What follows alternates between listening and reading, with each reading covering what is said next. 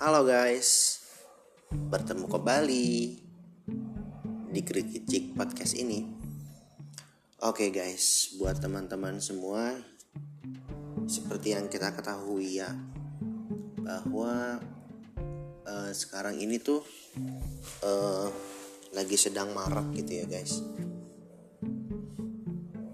Lockdown atau juga PSBB kalau di negara kita guys you know kenapa sih kok bisa sampai seperti itu gitu kan? Ya sebenarnya sih simple aja. Gitu. ya udah pasti karena virus corona kan gitu. Tapi yang gue bingung ya guys itu tuh masih aja banyak uh, apa yang masih bandel gitu masih bandel dalam artian apa sih? Masih bandel dalam artian udah tahu uh, pemerintah tak boleh untuk mudik. Kemarin ini Pak Jokowi kan bilang jangan mudik gitu. Kenapa sih kok bilang jangan mudik? Oke. Untuk itulah uh, saya di sini untuk menjelaskan kenapa sih kok kita nggak boleh mudik. Oke, selama kurang lebih 10 menit ke depan, gue akan mencoba untuk memberitahukan kenapa sih kok sampai pemerintah kok segitunya nggak boleh mudik. Oke guys, tanpa berlama-lama, gue kasih tahu aja ya ini sih rahasia di antara kita. Oh enggak sih. Jadi gini guys. Gue akan sharing sebentar tentang virus corona ini gitu ya. Jadi seperti yang kita udah ketahui bersama bahwa virus corona ini tuh asalnya dari negara RRC RRC itu Republik Rakyat China tepatnya di kota Wuhan. Dan itu terjadi sebenarnya sih dari bulan Desember katanya. Cuma baru ke blow up uh, bulan-bulan Januari. Karena kan Desember terus Januari gitu kan. Terus uh, apa sih corona itu gitu kan? Sebenarnya corona, corona itu tuh uh, virus yang udah lumayan lama gitu. Maksudnya corona itu tuh kayak kayak keluarga gitu. Ada ada corona ini ada corona itu gitu. Dan mereka tuh satu merusaknya itu itu saluran pernafasan. Jadi saat teman-teman terkena terkena itu virus yang nantinya diserang itu adalah uh, pernafasan teman-teman. Kok bisa pernafasan? Ya iyalah. Karena yang gue bilang tadi coronavirus itu tuh menyerangnya hampir semua di pernafasan. Kok semua di pernafasan? Nih jangan tanya. Ya orang udah di pernapasan enggak juga sih. Sorry ya muter-muter. Karena gue bingung mau, sebentar gue cari dulu ya. Corona itu apa? Corona. Corona corona. Jadi nih coronavirus itu uh, memiliki ciri-ciri berupa gejala ringan seperti pilek sakit tenggorokan batuk dan demam tuh yang gue bilang tadi. Kalau kita misalnya kena flu atau ya paling ini sih kena flu ya. Flu itu kan. Umum banget gitu ya umum. Makanya ada ada sebutan sebutannya tuh OTG gitu. OTG itu orang tanpa gejala. Karena itu tadi. Dia tuh menyerangnya ya umum biasa aja gitu. Kayak batuk pilek sakit tenggorokan sama demam. Orang kita kan wih pinter. Makanya gini loh uh, demam dikit ah paling cuma masuk angin. Udah flu dikit bersin bersin sakit tenggorokan. Alah paling cuma cuma gara-gara minum es. Yang ada apa coba? Es terus es terus. Ya kan lebih sering begitu gitu kan. Oke terus selain itu juga gitu kan gimana kena, uh, gimana sih cara cara untuk menyikapinya gitu menyikapi dalam artian mencegah ya? Nih guys gue bacain dari BNPB cuci tangan lebih sering. Nah ini yang susah nih. Serius orang Indonesia susah. Termasuk saya gitu ya. Gue tuh cuci tangan tuh kalau misal makan sama keluar dari kamar mandi. You know lah. Exclude uh, take a bed gitu kan. Ini yang susah. Terus siku untuk menutup mulut saat batuk. Nah. Kemarin PSBB itu dianjurkan untuk memakai masker. Dan hanya mas uh, masker sama hand sanitizer. Itu udah udah udah termasuk dua. Itu tuh tadi. Pencegahannya tadi kan tangan cuci ya pakai hand sanitizer. Terus gunakan siku ketika batuk. Atau kalau yang pakai masker ya udah karena udah pakai masker batuk. Silahkan aja batuk. Terus wajah jangan terlalu sering disentuh. Ya kembali lagi ya kebiasaan orang Indonesia tuh kayak misal ketemu anak bocil gitu ya ketemu anak bayi itu pasti disentuh wajahnya. Gua ngerti kayak misal baru ketemu teman lama ha cipika cipiki ya kan? Cium pipi kanan cium pipi kiri. Gua nggak tahu deh ini budaya budaya kita gitu kan. Terus jarak. Nah jarak di sini tuh maksudnya jaga jarak gitu. Yang dianjurkan dari pemerintah itu ya sekitar satu setengah sampai 3 meter. Tapi memang di beberapa negara itu udah lebih ekstrim 3 meter bro. Ini tuh sama kayak di jalan tol nih mobil gitu ya. Terus usahakan tetap di rumah aja. Ini bro. Ini yang gue bilang susah buat orang Indonesia tuh kayaknya. Kayaknya tuh untuk stay lebih dari 6 jam atau stay lebih dari 2 jam tuh susah gitu di rumah. Ya gue gue paham sih. Nggak nggak sebenarnya sih nggak susah ya dibilang gampang nggak gampang juga. Dibilang susah ya nggak tahu juga gitu kan. Oke itulah kenapa teman-teman semuanya guys hello. Kita di, diminta sama pemerintah untuk tetap di rumah aja jaga jarak. Itulah yang namanya PSBB di seri pertama ini gue ngasih tahu tentang PSBB dulu gitu dan uh, apa sih coronavirus itu? Oke. Okay.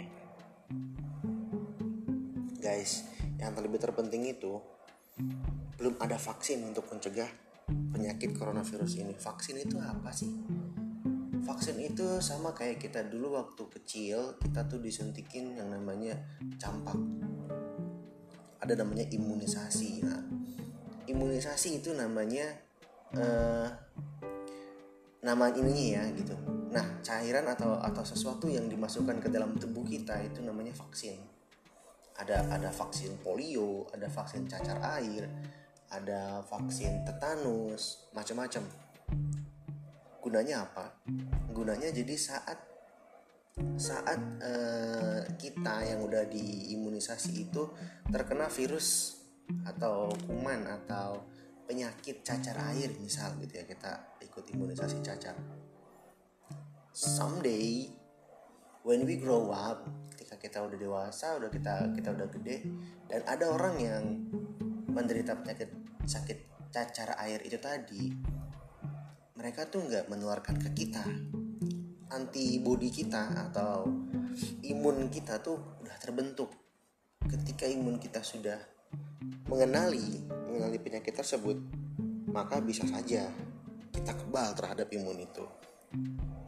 Terhadap maaf sorry terhadap virus tersebut atau penyakit tersebut. Kenapa? Karena kita sudah membentuk antibody nah sampai detik ini nah ini yang bahaya. Ini yang dijadikan ladang. Bukan ladang ya. Takutnya ini yang dijadikan yang digadang-gadang konspirasi guys. Ya gue gue belum mau masuk ke sana. Gue gue cuma memberitahukan uh, apa itu coronavirus bagaimana pencegahannya dan uh, menekankan kembali pada pendengar semua bahwa kalian udahlah di rumah aja gitu kan oke okay.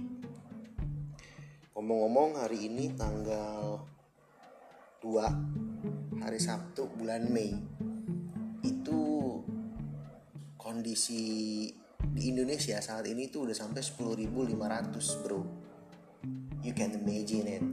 How many uh, people infected by coronavirus. So I beg you please just stay at home. At least if you want to leave the, uh, your home then wear a mask. If you can't make some mess. You can learn from YouTube or you can uh, buy in seller in yeah on the street online like Lazada, Tokopedia. There's many. Please, the, it's more than oh god, it's more than a hundred. You know, hundred is not a little gue gue jujur gue nggak bisa berkata apa-apa gitu. Karena ini penyakit menurut gue itu serius gitu teman-teman. Lo semua bisa nilai seberapa seriusnya pemerintah seberapa seriusnya tenaga kesehatan untuk menaam untuk bersama-sama kita perangi gitu. Perangi bukan dengan kata ah ini konspirasi gue mau dong disuntik. Aduh bro I think more dangerous if you ride a motorcycle than than you walk on your foot, right? I mean, ketika lu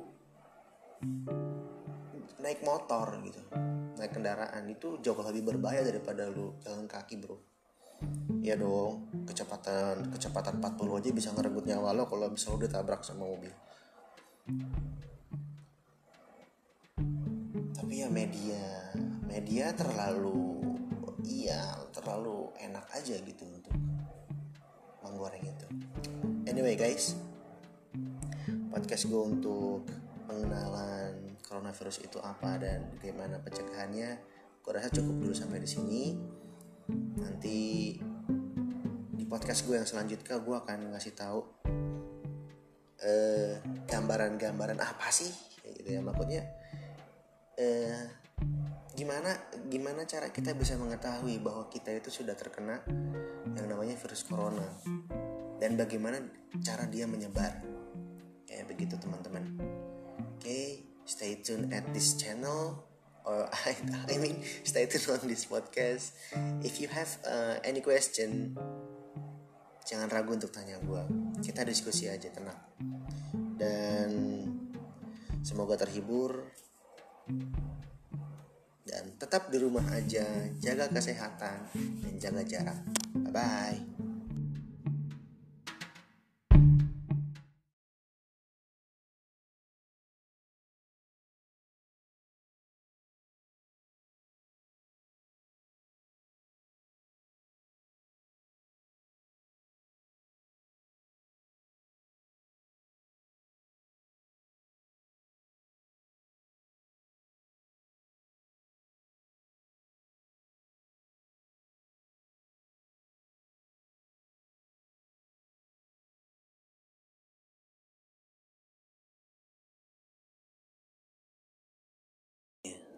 sekarang lanjutan dari situ gue akan menjelaskan. Uh, gimana sih si corona ini bisa menyebar dan lewat apa aja dia bisa menyebar? Dan berapa masa masa dari dia terkena itu dari nol sampai berapa hari kemudian baru bisa menimbulkan uh, gejala? Oke gue akan ngasih tahu dulu tentang uh, virus ini gitu ya. Virus ini tuh awalnya memang nggak punya WHO pun baru ngasih uh, nama penyakitnya itu tuh resminya itu baru satu bulan setelah uh, kejadian gitu di Wuhan. Nama resminya itu adalah COVID-19 COVID-19 itu dari singkatan Coronavirus Disease. 19 itu 2019 karena karena ya memang di 2019 gitu ya.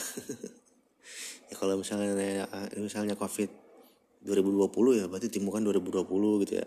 Sebenarnya sih ini agak lucu juga. Lucunya gini loh. Eh, satu gue nomenklatur untuk penamaan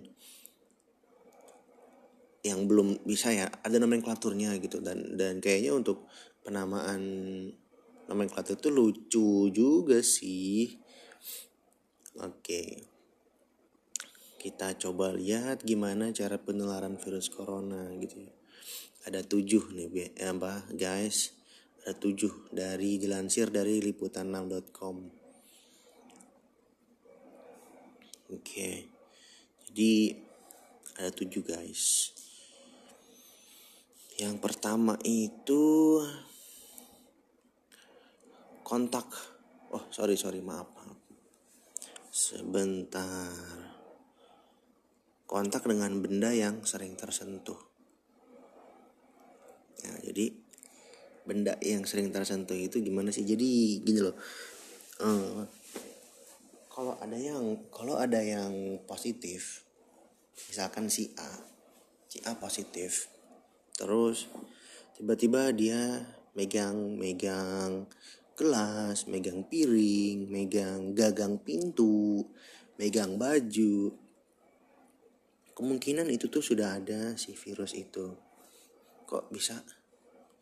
Bro itu tuh mainannya nano. Nano itu kecil.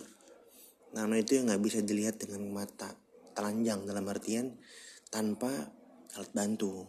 Alat bantu di sini adalah mikroskop bisa mikroskop yang statis yang biasa itu bisa Microsoft Electron atau Microsoft Neutron. Microsoft ya bukan Microsoft sorry.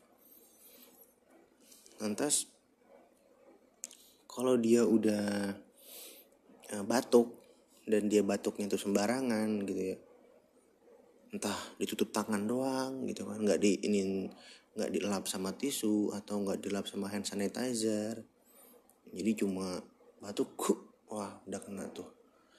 Udah nempel tuh di tangan udah nempel tuh di baju kayak gitu. Terus uh, dia tuh tiba-tiba nggak -tiba sadar dan akhirnya dia tuh nyentuh permukaan meja ya kan? Piring sendok wah macam-macam tuh yang dia yang dia apa yang dia sentuh. Ya udah kejadian lah. Maka dari itu teman-teman guys hello. For all siapa pun yang mendengarkan ini tolong dijaga dengan ya tadi cuci tangan minimal ya kan? Mau pakai hand sanitizer mau pakai sabun terserah. Karena menurut penelitian virus ini mati sama hand sanitizer yang berbasis alkohol sama uh, sabun deterjen. So guys jangan jangan takut untuk hal ini karena si virus ini juga rentan. Rentannya gimana bang? Iya orang kena deterjen aja dia udah mati kan gitu. Apalagi kena alkohol pasti mati dong. Terus terkait juga kebersihan tangan itu tadi teman-teman semua coba cari deh informasi yang valid dalam artian gimana sih caranya cuci tangan gitu WHO sudah menyarankan untuk uh, lima langkah. Ada ada ada ada ada ada langkah-langkahnya gitu. Jadi itu nggak sembarangan. Cuci tangan juga nggak asal. Terus terus terus terus terus udah selesai. Nggak nggak nggak kayak begitu bro. Itu ada ada langkah-langkahnya ada step-stepnya ada saya semuanya ada gitu. Maksudnya iya ada. Jadi coba guys semua cari gimana caranya untuk cuci tangan yang benar gitu. Karena ya itu tadi. Lalu tidak menjaga kebersihan setelah bepergian. Nah ini nih. Ya kadang kan kita udah capek di jalanan. Apalagi kita kerja di Jakarta tinggal di Bekasi. Waduh kerja di Jakarta tinggal di Tangerang tinggal di Bogor. Waduh setelah kata udah tua di jalan nyampe di rumah juga udah diomelin. Uh capek. Udah capek. Sabar ya kalau udah nyampe rumah di, di diomelin. Eh gue juga sering kayak gitu kok beneran. Sampai rumah bukannya dikasih minum atau apa dikasihnya sambutan hangat. Terus udah gitu langsung tiba-tiba bluk gitu aja di kamar tidur langsung apalagi ini buat petugas medis gitu ya baik dokter baik perawat baik uh, analis lab baik radiografer baik uh, sanitasi baik cleaning, baik running. Pokoknya kalian yang berkecimpung di dunia kesehatan atau yang kerja di rumah sakit. Coba di, coba jagalah kebersihan kalian dalam artian pasti setiap setiap rumah sakit akan uh, menganjurkan kepada setiap pegawainya atau karyawannya untuk mandi dahulu sebelum pulang ke rumah. Itu udah pasti. Di setiap rumah sakit pegawainya pasti diminta kayak begitu. Kalau enggak waduh bahaya guys yang tadi tuh. Kenapa tadi udah gue dibilang? Dia bisa aja uh, nempel di benda-benda. Nah penelitian terkini itu corona bisa di besi selama 24 jam 48 jam. Maksudnya masih di dia bisa menempel di benda-benda tuh dengan waktu yang lama baru dia mati baru dia nggak aktif. Jadi buat kalian yang berkecimpung di dunia rumah sakit coba tolong sebelum kalian pulang ke rumah mandi dulu cuci tangan dulu cuci ketek dulu. Bau coy. Secara kalian tuh pakai APD loh. Yang APD itu pasti kayaknya panas banget gitu. Udah bahannya spoonbone entah bahannya parasut entah yang jas hujan. Udah udah pasti dah kayaknya panas banget. Udah gerah bau ketek. Eh nyampe rumah nggak nggak mandi atau sebelum pulang mandi gitu. Uh bro sumpah. Ente baunya kayak ketiak buaya oke lanjut tidak menerapkan etika batuk dan bersin. Sebelum sebelum podcast ini kan, gue pernah bilang, gue pernah kasih tahu kan, batuk yang benar tuh gimana. Nah, gue tuh apa batuk yang benar itu sebenarnya pertama nih, kalau kita udah ngerasa pengen batuk atau pengen bersin, kalau kita nggak nggak nggak nggak ada tisu gitu ya, ya udah pakai siku kalian say kalau nggak bisa pakai siku kalian pakai pakai lah uh, sapu tangan. Untuk kalau nggak pakai sapu tangan ya udahlah pakai pakai apa yang bisa menutup gitu loh. Tapi sih memang lebih baik itu pakai siku. Sebenarnya bukan siku secara siku yang luar ya. Jadi masukkan tangan kalian untuk bisa menutupi mulut. Kalau bisa mulut itu uh, sampai di lengan lengan baju kalian gitu. Jadi semua droplet yang keluar droplet itu air liur. Yang keluar itu semua ke baju kalian. Itulah gunanya menerapkan etika batuk dan bersin yang benar. Tapi yang namanya orang kita termasuk gua dan anda dan saya. Terus lanjut. Terjadi interaksi dengan banyak orang. Nah guys Nah kemarin kan di podcast sebelumnya gue bilang SBB Ya kan? Uh, Jadi kita mestilah Jaga jarak aman Jaga jarak aman yang satu setengah itu sampai berapa meter gitu kan. Terus uh, kenapa kalau emang bersihin pakai etika bersihan tadi? Udah aku kasih tahu. Karena ketika terjadi interaksi dengan banyak orang teman-teman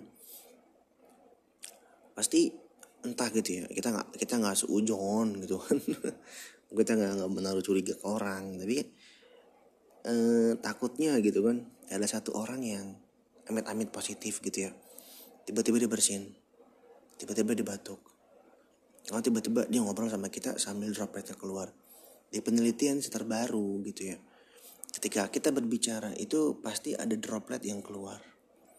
Waduh bro repot. Repotnya repotnya gini loh. E, kalian tuh ngomong tuh kan nggak bisa nggak pakai kuah gitu loh. Eh makan bakso aja kalau nggak pakai kuah nggak seru bro. Lo coba deh makan uh, apa bakso aci tuh ya kan? Baci ya baci. Itu nggak pakai kuah. Cuma tuh berasa kayak makan cilok tau gak sih?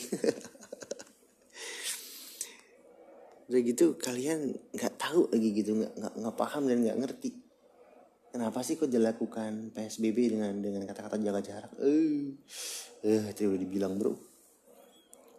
Oke lanjut tidak isolasi diri setelah kembali dari wilayah pandemi. Nah bro kemarin Pak Jokowi bilang gue akan sedikit uh, membantu meluruskan gitu ya apa yang yang dimaksudkan beliau dengan mengatakan pulang kampung boleh mudik jangan gitu kan. Oke memang ini menjadi kontroversi karena perbedaannya itu tuh nggak terlalu kental gitu loh. Inti intinya sama-sama aja pulang kampung gitu tapi memang esensinya berbeda. Secara eksplisit Pak Jokowi itu kepengen bilang bahwa kita nggak boleh pulang kampung atau mudik bro. Kenapa? Karena itu tadi nggak isolasi diri setelah kembali dari wilayah pandemi. Kasus pertama eh, pasien nomor satu dan nomor dua itu dia eh, katanya ikut di klub dansa dan di klub dansa itu eh, anggotanya multinasional multinasional maksudnya berkebangsaan banyak gitu multi dari Malaysia, dari Singapura, dari Jepang, dari Amerika, wah pokoknya banyak. Dengan kata lain, itu kan interaksi dan dan orang-orang yang datang itu juga berasal dari wilayah pandemi. Akhirnya apa? Mereka positif, pasien satu, pasien dua. Setelah ditelusuri lagi, ada lagi banyak. Dan terbaru ada klaster di Sulawesi waktu itu ada istimewa ulama dunia kalau nggak salah nah itu kan juga banyak gitu yang yang terkonfirmasi positif corona dari dari klaster istimewa ulama itu artinya gini kesadaran kita sebagai warga dan sebagai orang yang rentan terkena COVID-19 ini itu tuh sangat amat amat kecil gitu. Kayak ngelihat matahari tuh jauh gitu. Tapi kan panasnya berasa sampai sini. Teman-teman kalau misalnya cari di artikel banyak tuh matahari sejauhnya berapa ya kan guys? Tapi panasnya berasa gitu. lu pernah gak sih ngelihat sesuatu yang jauh gitu? Ini sebenarnya mereka deket. Contoh kayak misalnya lu melaut nih. Lo lo seorang nelayan. Lo udah tengah-tengah nih lo ngeliat titik di depan gitu kan. Nah titik di depan lama kelamaan gede gede gede gede. Dan akhirnya lu nggak punya nggak punya waktu untuk berbelok. Apa yang terjadi? Biar ente tertabrak imempis inti. Kan jadinya kalian terkena. Udahlah cukup. Cukup lah yang terkena tuh udah 10.500 sampai tanggal 2 Mei 2020 ini. Jadi teman-teman kalau udah tahu lebih baik sudah selesai. Teman-teman patuhi kalau PSBB ini tuh dibuat untuk menjaga teman-teman juga semuanya. Oke lanjut. Kurangnya pemahaman tentang virus corona guys. Ini yang mau gue tekankan virus corona itu menyebar lewat mana? Teman-teman kalau teman uh, keluarga kita ada yang flu satu orang dan bersin bersin oh pasti ya bersin cuy haci haci terus buang sampah tisu bekas. Maaf ingusnya. Sembarangan. Pada akhirnya lu juga kena kan guys? Sama kayak begitu bro. Corona juga kayak begitu makanya betapa pentingnya isolasi mandiri itu kan. Atau betapa pentingnya mereka itu hmm, udah karantina sendiri. Itu ada di Wisma Atlet Kemayoran Jakarta. Itu rumah sakit darurat itu kan RSD jadi ya itu itu satu pertama. Kedua Virus ini tipikal menyerang saluran pernafasan. Apa yang terjadi dengan saluran pernapasan kalian? Pertama, teman-teman akan terkena yang namanya pneumonia. Pneumonia itu apa? Jadi kayak radang yang udah parah di paru-paru kalian teman-teman. Nah, Lantas ketika itu udah kena pneumonia, apa yang terjadi bang? Kita bakal sesak nafas. Itu itu yang itu yang ngebuat uh, apa? Mungkin virus corona jadi serem ya. Terus gimana bang kalau caranya untuk kita tahu apakah kita ini udah kena atau belum. Yang pertama itu masa inkubasinya si COVID-19 ini 14 hari. Makanya kan PSBB waktu di Jakarta itu 14 hari. Di Bandung juga 14 hari. Intinya adalah 14 hari masa inkubasi dari si COVID-19. Selama 14 hari itu, dia itu nggak menimbulkan gejala. Maksudnya menimbulkan gejala pun itu masih yang ringan-ringan.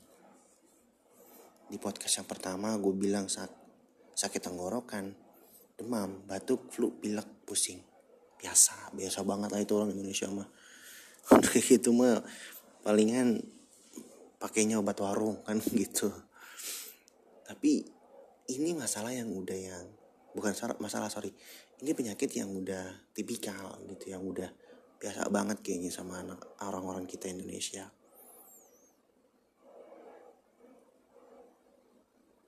ketika ketika udah kena kayak begitu langkah sel selanjutnya apa bang? Nah. Virus ini punya tipikal yang yang, sangat khas. Apa tuh yang khasnya bang? Dia nggak dia bakal nyerang indera penciuman kalian.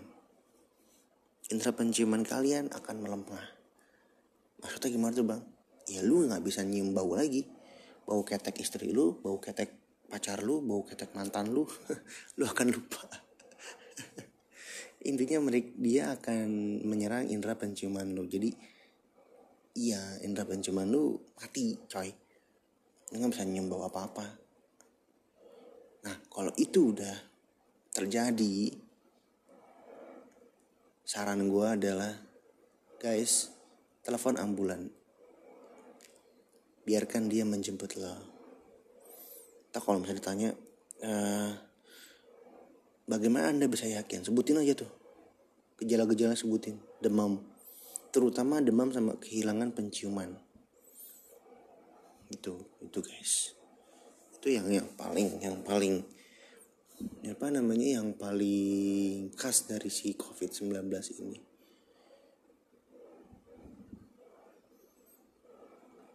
Bayangin aja. Dia menyerang saluran pernapasan. Ya iya dong bakal hilang juga uh, apa indera penciuman kita. Kita kadang kalau lagi pilek ya kan juga gitu. Nggak bisa tuh nyium bau ya kan? Baru-baru nyium bau. Amelar terus gimana bang? Nah itu.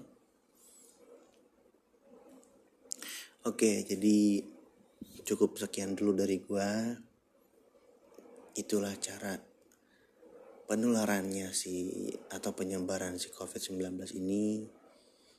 Gue harap dengan podcast ini teman-teman semakin tahu. Teman-teman semakin punya keberanian untuk uh, melawan virus COVID ini. Banyak hal yang bisa teman-teman lakuin untuk melawan virus ini dan yang paling dan yang paling bagus ba atau baik adalah teman-teman rebahan di rumah aja. Kapan lagi teman-teman lu semua guys bro and sis bisa ngebantu bangsa ini hanya dengan rebahan. Jadi gue kebayang ya kalau misalnya kita udah punya cucu gitu ya uh, kakek nenek apa sih yang udah kakek nenek lakuin untuk bangsa ini? Nah tercu kamu tahu di tahun 2020 itu ada ada pandemi namanya COVID-19 terus kakek nenek ngapain? Rebahan. Ya nggak apa-apa sih. Kenapa juga? Ya namanya juga ya namanya juga ngebantu. Apa aja juga boleh kan? Guys semua itu saran bukan saran sih gue ngebacain dan memperjelas lagi apa yang pemerintah inginkan dari kita dari kita. Itu rebahan aja ini di rumah aja. Buat lo semua yang dengerin podcast ini gue harap kalian tuh jadi semakin terbuka pikiran kalian. Kalian nggak nggak close minded oke okay, ada ada teori-teori macam-macam di luar sana. Tapi gue harap lo semua pendengar podcast ini bisa paham dan mengerti. Oke? Okay? di podcast berikutnya gue akan ngasih tahu uh, hal apa aja sih bang yang bisa gue lakuin selama di diam di rumah aja atau kalaupun gue mau keluar rumah gitu ya bang.